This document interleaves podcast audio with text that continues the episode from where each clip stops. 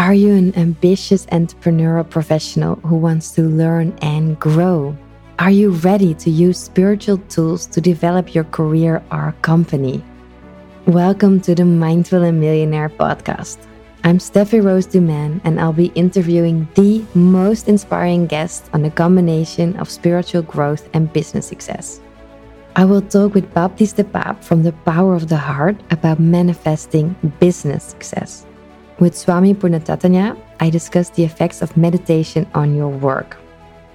Swami is an appointed spiritual guide or monk by Sri Sri Ravi Shankar and teaches a lot of business people on this subject, so he knows the best insider tips. I also interviewed Joanne van den a top model that just wrote a book. She explains how journaling, angel numbers, and affirmations help her with her modeling career and even got her a shoot in Vogue magazine. I'm always looking for the best spiritual tools and self development hacks to improve at a professional level. How can meditation help you to work better and smarter?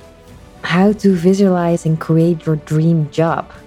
And what should you do to manifest a rich life and career? You will learn it all and more in the Mindful and Millionaire podcast. Let's keep in touch on Instagram, Steffy Roos du Maine, and subscribe to or follow this podcast. See you soon.